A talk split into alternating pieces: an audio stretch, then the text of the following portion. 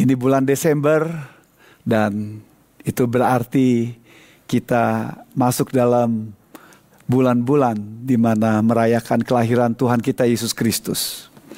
Saudara-saudara, ketika masuk dalam bulan Desember yang kita pikirkan pada umumnya khususnya di tengah culture dunia yang merayakan hari libur, Christmas dianggap sebagai holiday.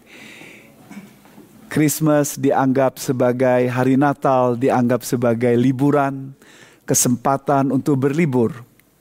Dan memang itu tidak salah karena memang hari libur. Tetapi saudara-saudara ketika kita melakukan liburan, ketika kita melakukan kegiatan itu tanpa mengingat Kristus Yesus yang datang dan mati dan bangkit bagi kita, liburan itu saudara lepaskan daripada Christmas sesungguhnya. Christmas juga saatnya uh, waktu beli-beli karena ada Boxing Day tanggal 26 dan kesempatan untuk membeli dan itu merupakan hal yang tidak salah karena menanti karena harga yang murah. Tapi dalam pikiran kita, saudara-saudara, atau dalam pikiran culture dunia sekarang ini, ketika berpikir tentang Christmas, culture bahwa itu adalah liburan, itu adalah waktu untuk shopping, itu adalah waktu santai, merupakan culture yang sudah merembes dalam kehidupan anak-anak Tuhan dan gereja. Sehingga Desember itu kesempatan untuk melakukan hal-hal seperti itu. Dan meaningful, arti daripada Christmas itu tidak jelas. Hanya sekedar rutinitas. Saudara-saudara ini merupakan hal yang uh, peperangan bagi kita merupakan sesuatu yang harus kita lawan, culture seperti ini. Anak-anak kita dari kecil harus diajar betapa indahnya berita Christmas itu. Keluarga kita harus punya culture yang bagus untuk beribadah dan worship pada waktu Christmas. Anak-anak muda juga hal yang sama sehingga kalau tidak hati-hati, terhanyut dengan suasana culture seperti ini. Saudara-saudara, kita sedang dalam suasana peperangan dengan culture seperti itu. Itu salah satu culture yang yang kita bisa lihat. Tapi ada hal yang lain juga. Kita bisa memang sedang dalam suasana supaya kita tidak contagious, tidak tertular. Atau kalau tidak, kita hanya lama jadi orang Kristen, tapi filosofi dan gaya hidup kita sudah ternodai sebagai anak Tuhan. Saudara-saudara, hari ini kita akan bahas satu tema yang indah, Jesus as the Prince of the Peace. Yesus sebagai Raja Damai. Pangeran atau terjemahan dalam bahasa Indonesia lebih pas Raja Damai. Dan ketika memikirkan selama tema bulan Desember ini memikirkan tentang peace. Dan kita belajar tentang sumbernya, belajar tentang uh, bagaimana peranan Yesus dalam memberikan peace itu dan dalam relevansi dalam kehidupan kita uh, sehari-hari. Tema yang uh, kita tidak pernah bahas selama bulan Desember ini. Jadi kiranya ini menyegarkan ketika kita sudah selama sekitar dua bulan lebih bahas tentang doa Bapa kami. Saudara-saudara, saya ingin mulai dengan ketika bicara soal tentang peace. Merupakan satu ilusi, satu hanya dalam pikiran hidup saudara saja ketika saudara bisa hidup damai dalam dunia ini tanpa Yesus Kristus. Negara selalu tidak aman. Negara berusaha untuk seadil-adilnya, tapi tentu juga tidak adil. Negara berusaha untuk melakukan memberi ketenangan bagi rakyatnya, tentu selalu ada masalah. Rakyat bergumul dengan situasi dan keadaannya di tengah-tengah kehidupannya. Dalam sejarah saya membaca dan mencatat begitu banyak peperangan. Peperangan dan kematian. Dan dari perang dunia ke-1, bahkan sebelum perang dunia ke-1, 1914, 1915-an. Sebelum perang dunia ke-1 dan sebelum perang dunia kedua, 1939, dan selanjutnya sampai 1945 tapi sebelum itu ada peperangan. Peperangan antara negara, peperangan antara suku, peperangan antara satu sama yang lain. Dunia ini tidak pernah aman. Dunia ini tidak pernah tenang, saudara-saudara. Karena selama saudara berada di dalam satu negara di mana dalam negara itu ada kepentingan-kepentingan, ada partai-partai yang ingin menjatuhkan Contoh di Amerika Serikat, Partai Republik dan Partai Demokrat saling menjatuhkan satu sama yang lain dalam khususnya dalam pemilu sebelumnya. COVID-19 dipakai bukan saja untuk menghancurkan pemerintahan yang ada, tapi juga ingin supaya memakai itu sebagai satu kesempatan duduk sebagai pemenang. Ada kepentingan-kepentingan satu sama yang lain ingin menghancurkan. Sedangkan ketika kita belajar daripada coba cari definisi tentang peace, saudara akan dapatkan peace itu berbicara tentang freedom, kebebasan, tidak ada permusuhan, supaya ada ketenangan, ada ketenangan supaya tidak ada gejolak, tenang saudara-saudara.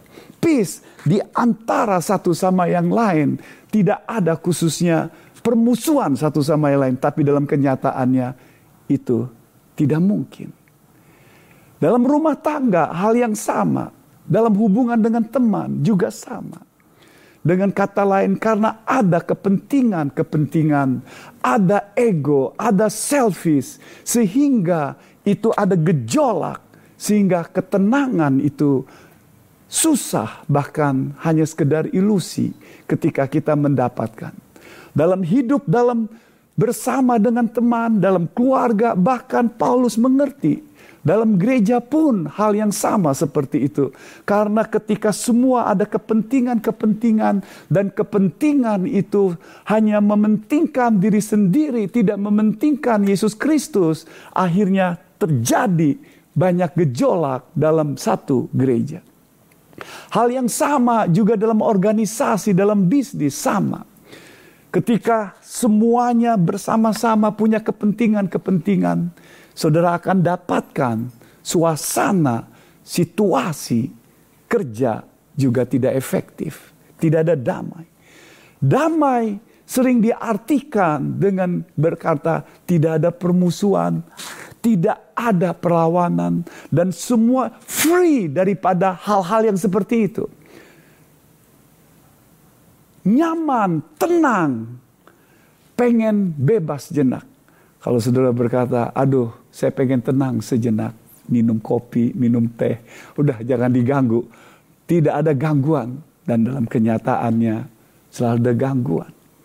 Hidup kita penuh dengan ketidakenakan, ketidaknyamanan, sakit, penyakit, di PHK, tiba-tiba COVID-19, tiba-tiba ada masalah, tiba-tiba ada tabrakan, tiba-tiba ada sesuatu yang di luar dugaan saudara. Ketika ada badai dan taufan di tempat kita ini di Victoria ini, banyak cita-cita yang menyedihkan.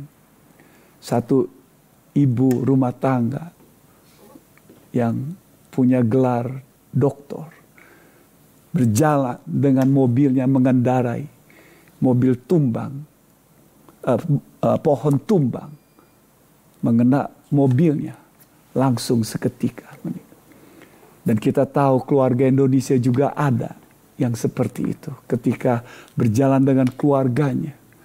Lalu mobil, uh, mobilnya dikenai pohon yang sedang tumbang. Dan ada kematian dan kecelakaan. Tiba-tiba, saudara-saudara satu ilusi ketika saudara berkata, saya bisa mendapatkan damai, tenang di tengah dunia ini. Allah Bapa kita tahu situasi seperti itu. Dan mengerti situasi keadaan dunia yang kacau, yang tidak bagus. Dan Tuhan memberikan satu jalan keluar. Memberikan satu jalan keluar. Dan Yesaya dalam bahasa Indonesia pasal 8 bagian terakhir dan khususnya uh, dilanjutkan dengan Yesaya pasal 9 terjemahan bahasa Indonesia, Alkitab bahasa Indonesia, Yesaya pasal 8 bagian terakhir sampai Yesaya pasal 9 ayat 7 berkata berbicara tentang nubuatan raja damai. Yesaya mengerti bahwa di dalam dunia ini tidak ada ketenangan dan kedamaian. Karena orang-orang yang berdosa. Karena situasi dan keadaan yang memang tidak bisa damai. Yesaya melihat saudara-saudara. Ketika dia melihat situasi dan keadaan dan kemudian menubuatkan tentang Raja Damai. Hanya orang yang berkuasa, hanya pribadi yang berkuasa total. Hanya pribadi yang punya kemampuan dan juga yang tidak ada dosa, yang tidak ada kepentingan, yang tidak ada cacat celanya, dan juga yang punya kemampuan yang begitu hebat luar biasa, yang sanggup memberikan ketenangan dan kedamaian itu, saudara. Tidak ada presiden, raja, ketua, siapa pun juga tidak bisa. Karena sebagai orang yang masih terbatas, masih orang yang penuh dengan kelemahannya.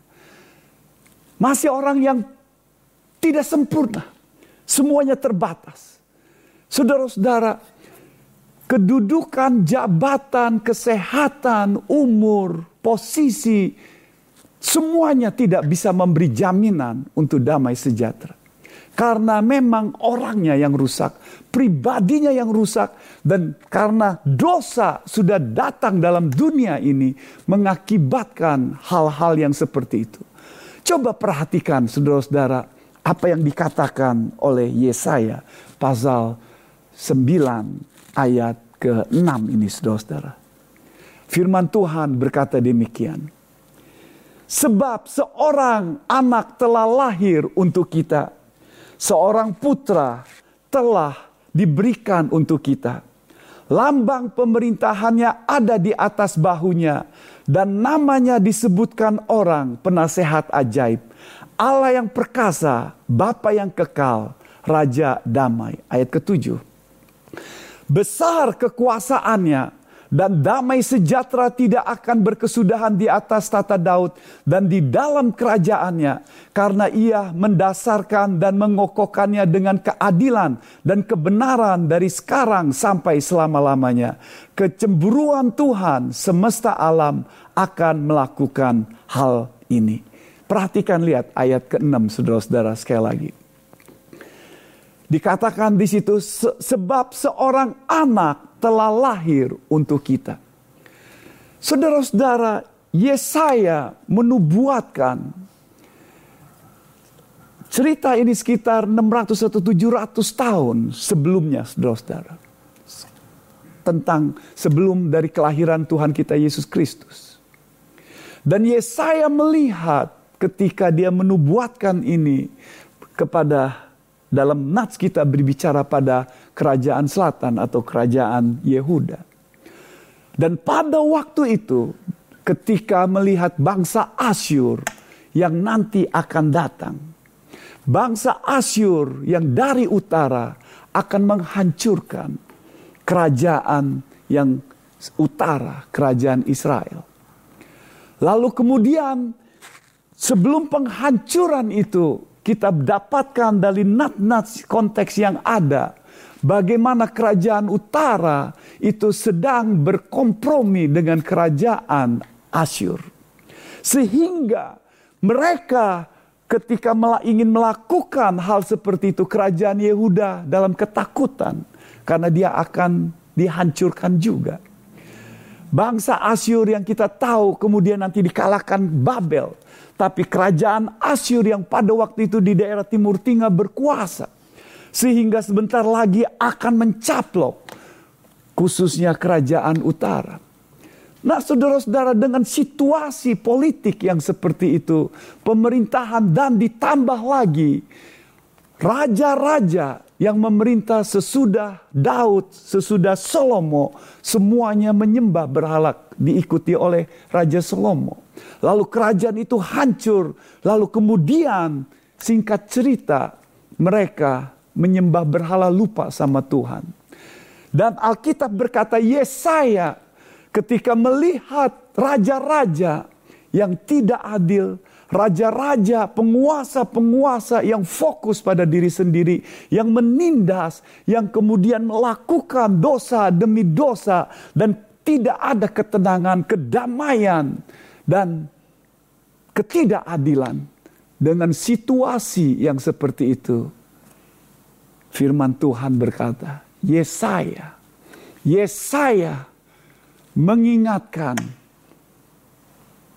kerajaan Yehuda.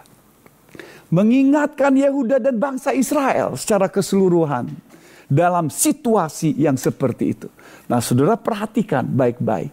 Situasi keadaannya adalah suasana dalam kehancuran, suasana peperangan, suasana ketidaktentuan, suasana benar-benar di mana bangsa ini akan dihancurkan. Dan firman Tuhan berkata apa yang dinubuatkan Yesaya menjadi kenyataan. Tahun 722 sebelum Masehi dalam sejarah dikatakan bangsa Asyur mengalahkan kerajaan utara. Lalu digabung satu sama yang lain antar suku dan satu sama yang lain sehingga jadilah namanya orang Samaria itu saudara. Lalu kemudian dalam sejarah dikatakan nanti sesudah ini kerajaan Babel akan menghancurkan kerajaan Asyur dan sejarah menyatakan hal yang seperti itu. Lalu kemudian kerajaan Babel lalu kemudian mengalahkan Asyur dan kerajaan Babel tahun sekitar 586 sebelum Masehi menghancurkan kerajaan Yehuda. Jadi saudara-saudara, dan mereka kemudian dibuang ke Babel. Apa yang dinubuatkan oleh Yesaya semuanya jadi kenyataan. Dan dalam nats kita, saudara-saudara, Yesaya melihat kehancuran, tidak ada pemimpin, rakyat yang hancur ke sana kemari, dan suasana yang kacau, dan pembuangan. Itu suasana seperti itu. Saudara-saudara, saya belum pernah dalam suasana peperangan. Dan saudara juga mungkin belum pernah. Tapi saya ingin mengajak saudara, coba lihat video-video orang di pembuangan Lihat orang-orang yang melarikan diri karena peperangan. Ketika mereka perang, baik itu di Irak, baik itu di Suria. Dan mereka melarikan diri dengan kapal. Begitu jutaan orang. Dan mereka melarikan dalam suasana meninggalkan begitu saja. Hancur, puing rumah semuanya. Dan tidak punya apa-apa. Saudara perhatikan. Apa yang mereka bayangkan dalam suasana seperti itu? Yang mereka inginkan adalah ketenangan. Yang mereka inginkan kedamaian supaya Anda mereka bisa hidup dalam pemerintahan yang tenang, yang damai supaya tidak ada suasana seperti ini. Itu saudara-saudara. Itu yang terjadi. Dan ketika saudara membaca Yesaya ini tidak memikirkan suasana itu, saudara tidak bisa menangkap apa yang dijanjikan. Mika hal yang sama, mendubuatkan yang sama. Mika 5 ayat 1. Bahwa nanti di Bethlehem akan ada penguasa. Akan ada raja, penguasa yang akan datang. Dalam konteksnya apa? Karena Mika melihat. Ketika melihat kerajaan Yehuda yang sedang dikepung kerajaan eh, Babel yang sebentar lagi akan menghancurkan dan gak ada pemimpin-pemimpin. Lalu Mika menubuatkan, menghibur orang-orang bangsa Yehuda yang sedang mau dalam kehancuran. Tapi nanti sekarang tidak ada pemimpin-pemimpin pemerintahan yang akan mengaumi engkau, rakyat Yehuda. Tapi nanti akan ada penguasa di Bethlehem. Hal yang sama dengan Yesaya. Di tengah suasana kekacauan, permusuhan, kehancuran, firman Tuhan berkata, nanti ada seorang yang akan lahir. Lihat, saudara-saudara, seorang yang akan lahir dan Yesaya menubuatkan dua hal. Yesaya 7 ayat 14 seorang darah yang akan melahirkan anak. Yang kita tahu dikutip oleh Matius pasal 1. Namanya anaknya Immanuel. Allah beserta kita.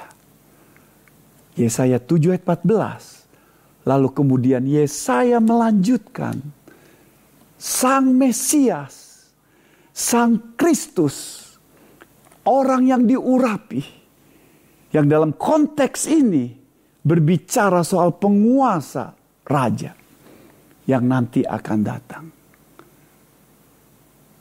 Lalu dijelaskan lebih spesifik.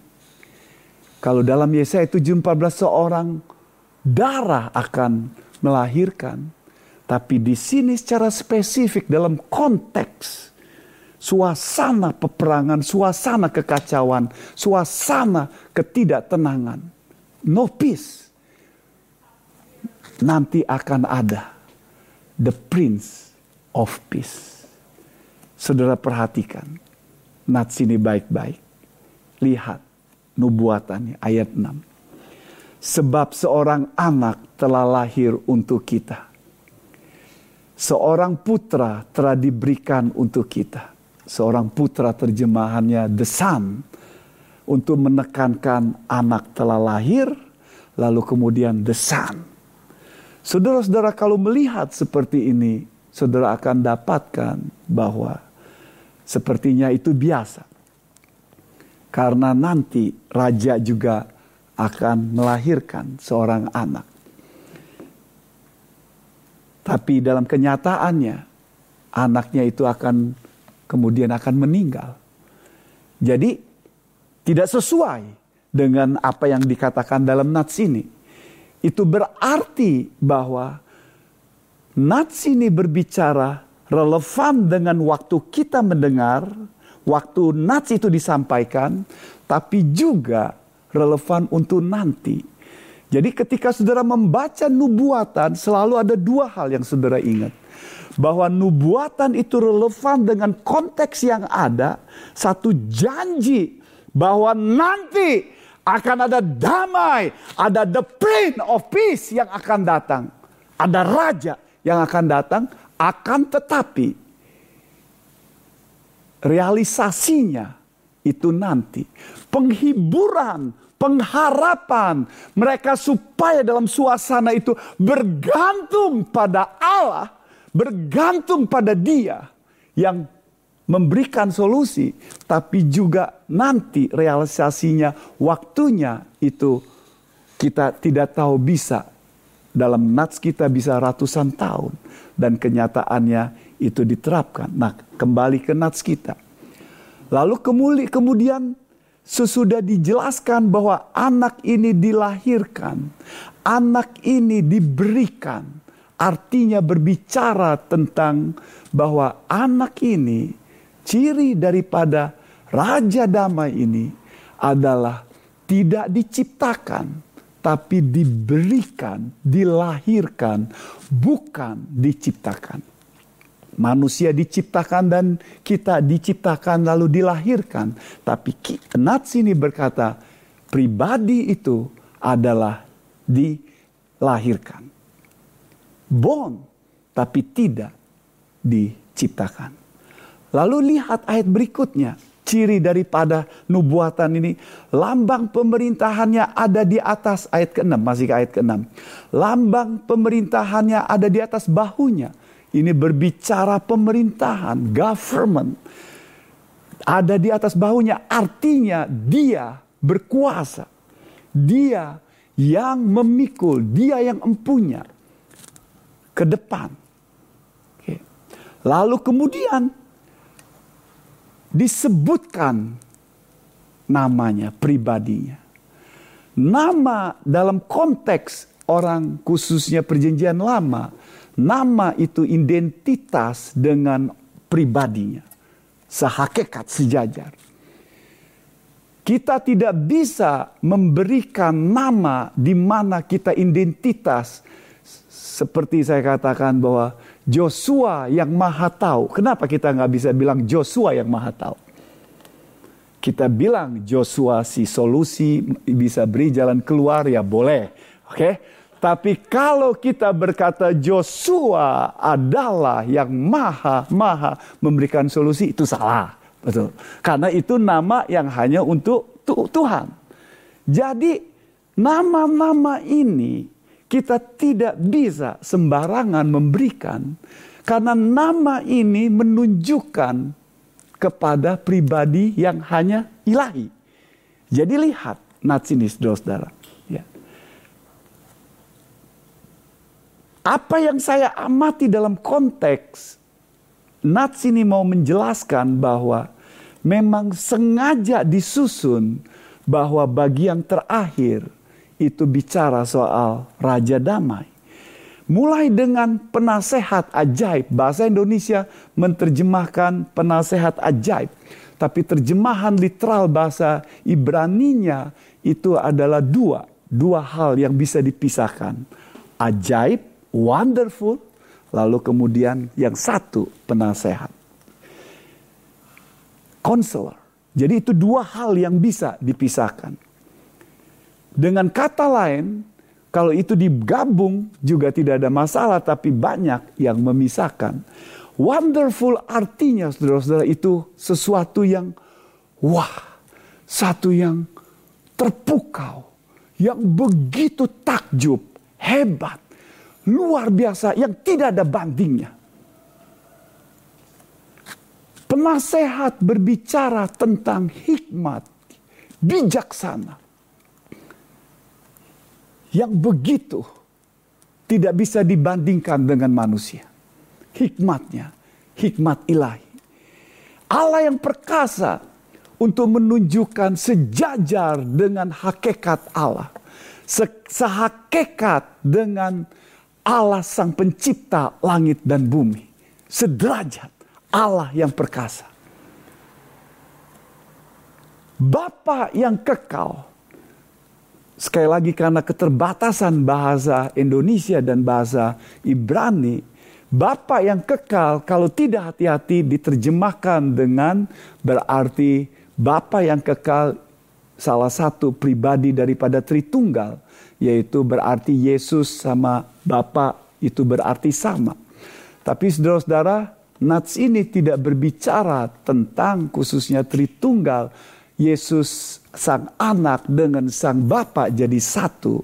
Tapi Nats ini berbicara tentang khususnya berbicara tentang keilahian daripada sang anak itu. Jadi dengan kata lain bisa terjemahannya adalah seperti ini yang lebih literalnya dalam bahasa Ibrani. The Father of Eternal.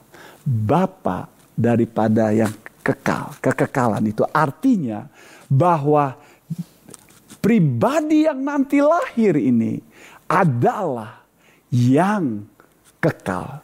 Pribadi yang sumber kekekalan, yang hakikatnya kekal, dari dulu ada, tetap ada, dan selalu ada. Itu maksudnya saudara-saudara. Sehingga ketika saudara membaca itu, saudara akan bisa berkata, wow, ini pribadi yang wonderful yang berhikmat luar biasa, perkasa, dan hakikatnya dia adalah yang kekal. Lalu klimaksnya Raja Damai. Dan sengaja disusun sedemikian rupa. Karena untuk menunjukkan bahwa pribadi yang bisa memberikan damai kalau pribadi yang berkata, saya raja damai. Tapi saya tidak punya kemampuan. Saya tidak punya otoritas. Dan saya tidak punya untuk bisa melakukan hal yang memberi kedamaian. Itu tidak bisa saudara-saudara. Jadi Nats ini begitu sengaja dan firman Tuhan begitu indah. Untuk menekankan the prince of peace. Karena ketika menyebut raja damai itu membuat kita takjub, layak bahwa pribadi yang lahir ini berhak untuk disebut Raja Damai. Kenapa? Karena dia wonderful. Dia berhikmat. Dia perkas. Dia Allah yang maha kuasa. Berdaulat. Dan dia hakikatnya kekal. Dari dulu, sekarang, dan selama-lamanya dan dia raja damai. Jadi klop saudara-saudara ketika bicara raja damai. Nah kembali sekarang Nats ini saudara-saudara. Lalu dilanjutkan raja damai. Menekankan raja damai seperti eksegesi saya ayat ketujuh lihat. Lalu dilanjutkan. Besar kekuasaan dan damai sejahtera tidak akan berkesudahan di atas tata Daud dalam kerajaan. Jadi saudara perhatikan bicara soal kuasa yang selama-lamanya yang tidak ada bandingnya dan itu harus dari keturunan Daud. Tidak ada Mesias atau yang merasa bahwa nanti ada orang yang akan berkuasa di luar keturunan Daud tidak ada. Tapi nats kita bicara soal berdaulat, berkuasa, dan memerintah lalu kemudian damai sejahtera tidak akan berkesudahan terus menerus. Nah saudara-saudara, damai sejahtera peace tidak ada permusuhan, ketenangan, kenyamanan, hati dan pikiran itu diberikan terus menerus. Adis sama dia. Siapa yang bisa memberikan? No one. Tidak ada. Tidak ada. Itu sebabnya saya berkata, nubuatan ini hanya ada satu dinubuatkan, yaitu hanya untuk Yesus Kristus. Hanya satu Yesus Kristus. Jadi dengan kata lain merupakan satu ilusi tinggal dalam dunia ini tanpa Yesus Kristus. Saudara punya ketenangan kedamaian. Karena dia adalah Raja Damai, dinubuatkan. Dan nats kita, seperti saya katakan, setiap nubuatan itu applicationnya selalu ada dua. Satu dinubuatkan, Yesus dilahirkan, yes. Dia lahir, sudah. Lalu kemudian dia nanti yang akan memberikan pemerintahan raja damai dan ketenangan selama-lamanya. Tidak ada permusuhan dalam dunia ini, ketenangan, keadilan. Dan kita tahu dalam dunia ini tidak ada yang bisa berikan seperti itu. Dan kita tahu Yesus sudah mati dan bangkit naik ke surga. Dan dia sudah berkuasa duduk di sebelah kanan Allah Bapa sebagai raja di atas segala raja. Tapi nats ini tidak bisa diterapkan karena masih dunia dalam suasana seperti ini. Itu berarti nats ini dengan kata lain diterapkan waktu kelahiran Yesus Kristus kedatangan dia sebagai dia datang lahir sebagai raja damai dan ketika Yesus mati dan bangkit menunjukkan hakikatnya sudah jadi raja damai, tapi pelaksanaannya itu nanti di masa akan datang ketika dia datang lagi ke dalam dunia ini untuk kedua kalinya, saudara-saudara. Nah, jadi sekarang kita bahas yang lebih lanjut. Kalau begitu, saudara-saudara, merupakan satu ilusi ketika saudara hidup dalam dunia tanpa Yesus Kristus saudara punya kedamaian.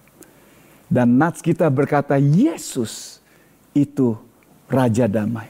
Karena Yesus yang pribadinya yang pas, yang cocok dengan apa yang dikatakan di sini.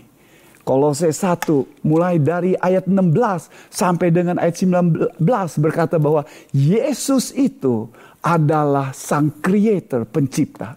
Yesus itu adalah dari dahulunya ada dan terus ada, tidak tergantung oleh waktu, baik dalam Kolose 1 ayat 17, dia penopang apa yang ada dalam dunia ini dan semuanya. Lalu kemudian dia adalah kepala gereja. Dia adalah sehakikat dengan Allah. Dia sebagai manusia tapi sehakikat dengan Allah. Dan Alkitab berkata, klop, cocok ini untuk Yesus Kristus. Yesus Kristus sendiri mengklaim, sebelum Abraham ada, aku sudah ada. Roma 8 ayat 58. Jadi ini pas cocok untuk Yesus Kristus, saudara Mengapa saya banyak membahas ini dari segi eksegesis? Karena saudara harus punya keyakinan bahwa nats ini fokus, terrealisasi, dan ada dalam Yesus Kristus. Karena kalau saudara tidak yakin ini pada Yesus Kristus, konsep yang berikutnya yang saya akan berikan bagi saudara tidak ada gunanya. Dan ketika melihat konsep ini, bahwa Nats ini, the Prince of Peace itu adalah Yesus Kristus. Saudara berkata, how Bagaimana saya dalam dunia sekarang ini bisa dapatkan peace itu? Di tengah dunia gejolak, situasi yang tidak menentu, keadaan yang tidak menentu. How saya bisa dapat peace, ketenangan? Lihat saudara-saudara. Ini prinsipnya yang saudara harus ingat. Yesus the Prince of Peace Yesus adalah raja damai yang berarti what is the prince of peace? Berarti dia adalah sumber damai. The author, the source, sumber daripada damai. Berarti dia juga yang bisa membuat damai berarti dia juga bisa berarti memberikan damai itu untuk kita, saudara-saudara. Lihat, perhatikan baik-baik. The Prince of Peace berarti, saudara-saudara, bahwa dia sumber daripada kedamaian yang sejati, ketenangan yang sejati. Yang kedua, itu berarti dia mampu untuk mem, uh, memberikan damai itu sendiri. Dan dia adalah yang alat atau tool saudara mendapatkan itu. He want to give you dalam dunia ini. Saudara-saudara, firman Tuhan berbicara soal yang begitu indah. Sebelum saudara mendapatkan the peace, damai, saudara harus menerima pemberian damai itu sendiri. Atau dalam bahasa teologianya seperti ini. Sebelum saudara dapat peace, saudara harus dapat grace. Menerima grace itu.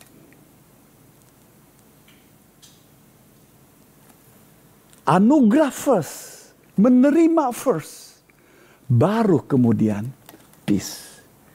Itulah sebabnya dalam tulisan Paulus selalu mulai dengan kasih dan karunia. Dan damai sejahtera maksud saya. Kasih karunia dan damai sejahtera. Selalu dimulai kasih karunia dulu, baru damai sejahtera. Tidak ada yang bisa mendapatkan damai sejahtera tanpa kasih karunia.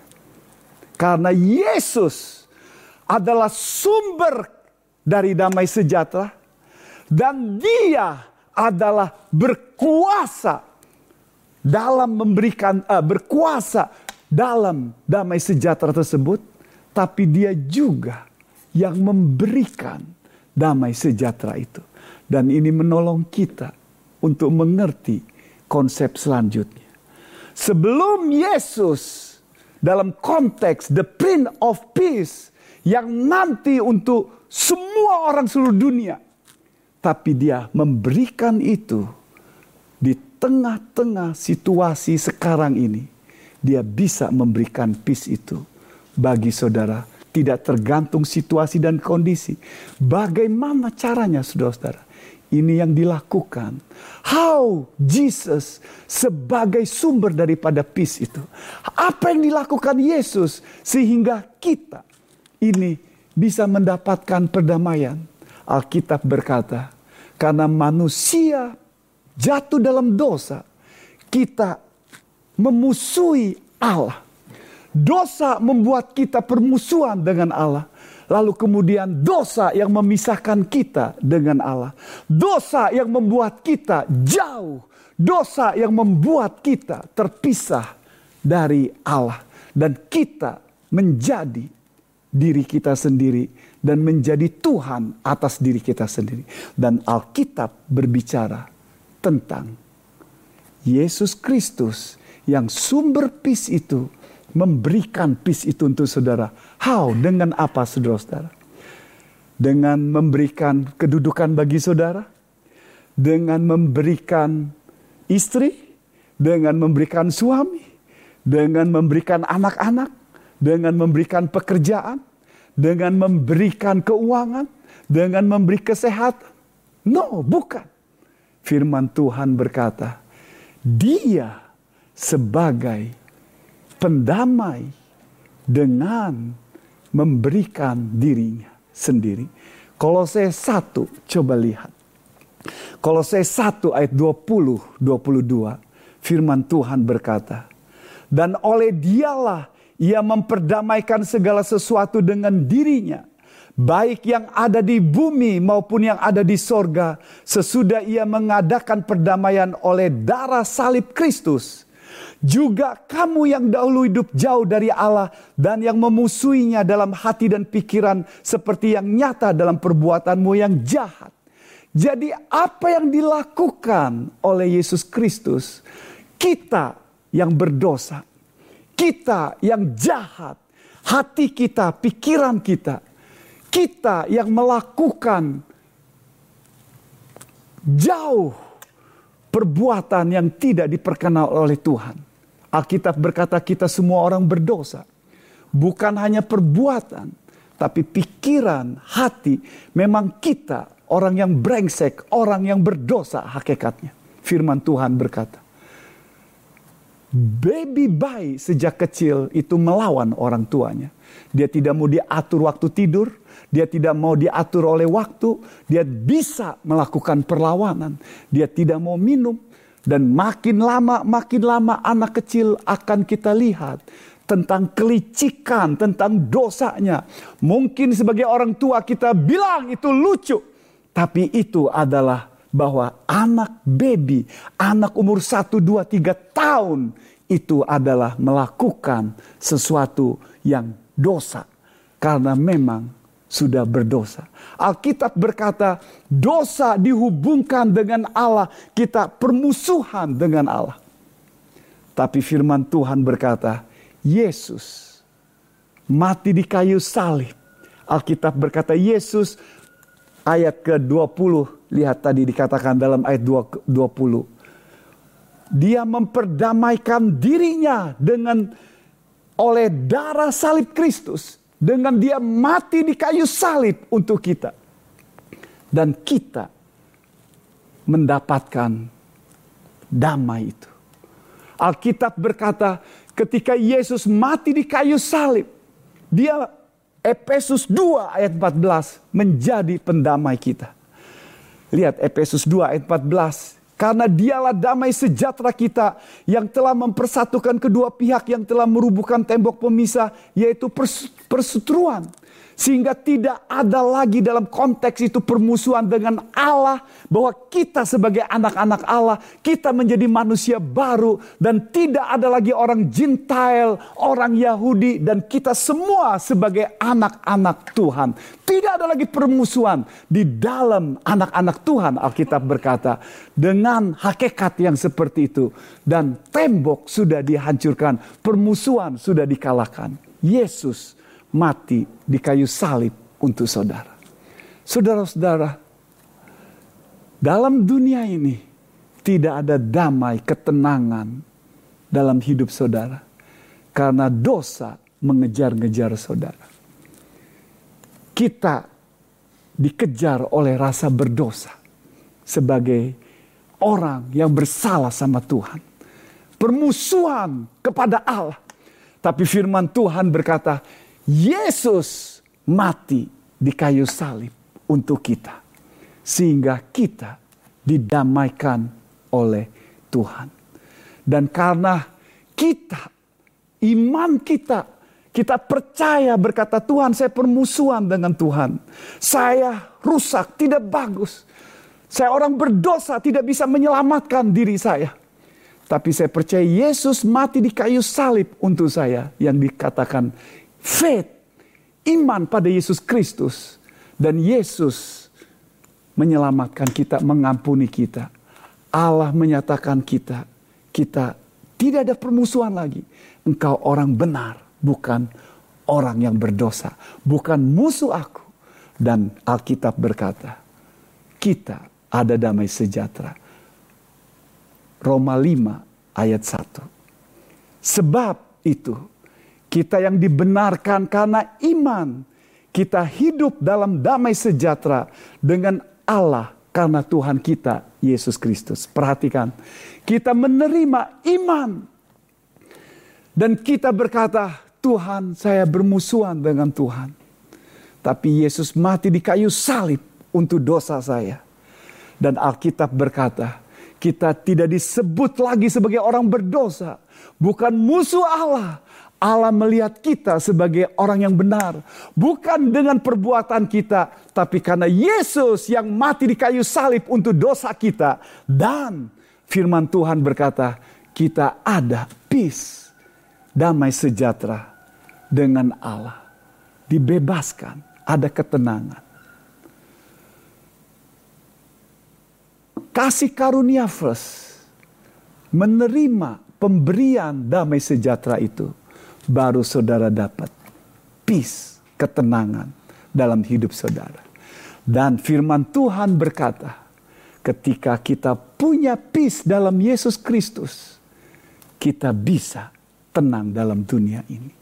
Meskipun situasi dan keadaan, meskipun badai dan tofan, meskipun situasi keadaan itu menghempit jiwa kita, tapi ketika kita punya damai sejahtera dalam Yesus Kristus yang di mana the Prince of Peace yang sudah diberikan bagi kita, kita bisa punya ketenangan.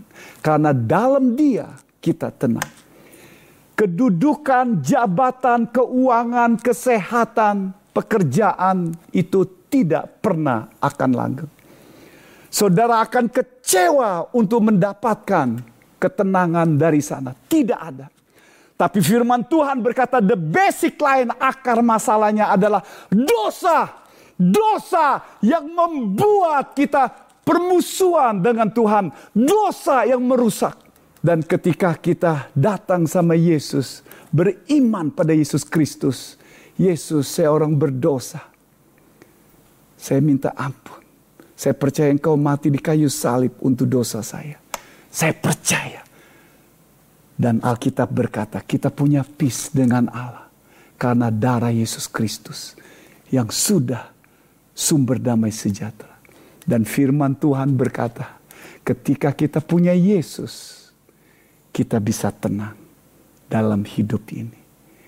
Ketika dia raja damai, berkuasa dalam hatimu. Orang dunia tidak punya. Tapi anak Tuhan punya the prince of peace dalam hatinya. Karena punya the prince of peace, punya raja damai, dia bisa tenang dalam hidupnya. Saudara-saudara, saya tidak tahu hidup saudara. Saudara mungkin sudah lama ke gereja. Saudara mungkin sudah lama merayakan Natal. Tapi saudara sesungguhnya tidak tahu makna Natal yang sejati. Dengar baik-baik. Makna Natal bukan holiday. Makna Natal bukan berarti saudara shopping. Makna Natal bukan berarti saudara istirahat. Makna Natal berarti bahwa dia sang pendamai Yesus Kristus itu lahir untuk kita. Dan kemudian dia mati di kayu salib untuk kita. Diberikan kepada kita. Karena Allah mengerti bahwa manusia tidak bisa mendapatkan damai sejahtera di dalam dunia ini. Dan hanya ada dalam Yesus Yesus Kristus yang diberikan. Dan Natal memanggil orang di tengah suasana COVID-19 ini. Memanggil saudara dan saya untuk kam datang. Anak-anak Tuhan. Untuk datang kam kembali kepada Yesus Kristus. Untuk ingat bahwa dia the Prince of Peace dalam hidupmu. Pertama untuk dosamu. Terima His grace, His peace, sehingga saudara dapat damai sejahtera. Bagaimana saudara bisa damai sejahtera kalau saudara tidak punya the Prince of Peace dalam hidup saudara? Sambut. Lalu kemudian saudara hidupkan dia the Prince of Peace dalam hidup saudara. Bukan situasi, bukan keadaan, bukan istri, bukan suami, bukan anak, bukan pekerjaan, bukan teman, bukan kekayaan saudara, bukan kedudukan saudara, bukan kepandaian saudara. Dia Yesus yang sumber ketenangan damai sejahtera. If you have Jesus, you have peace in your life. Mari kita berdoa bersama-sama.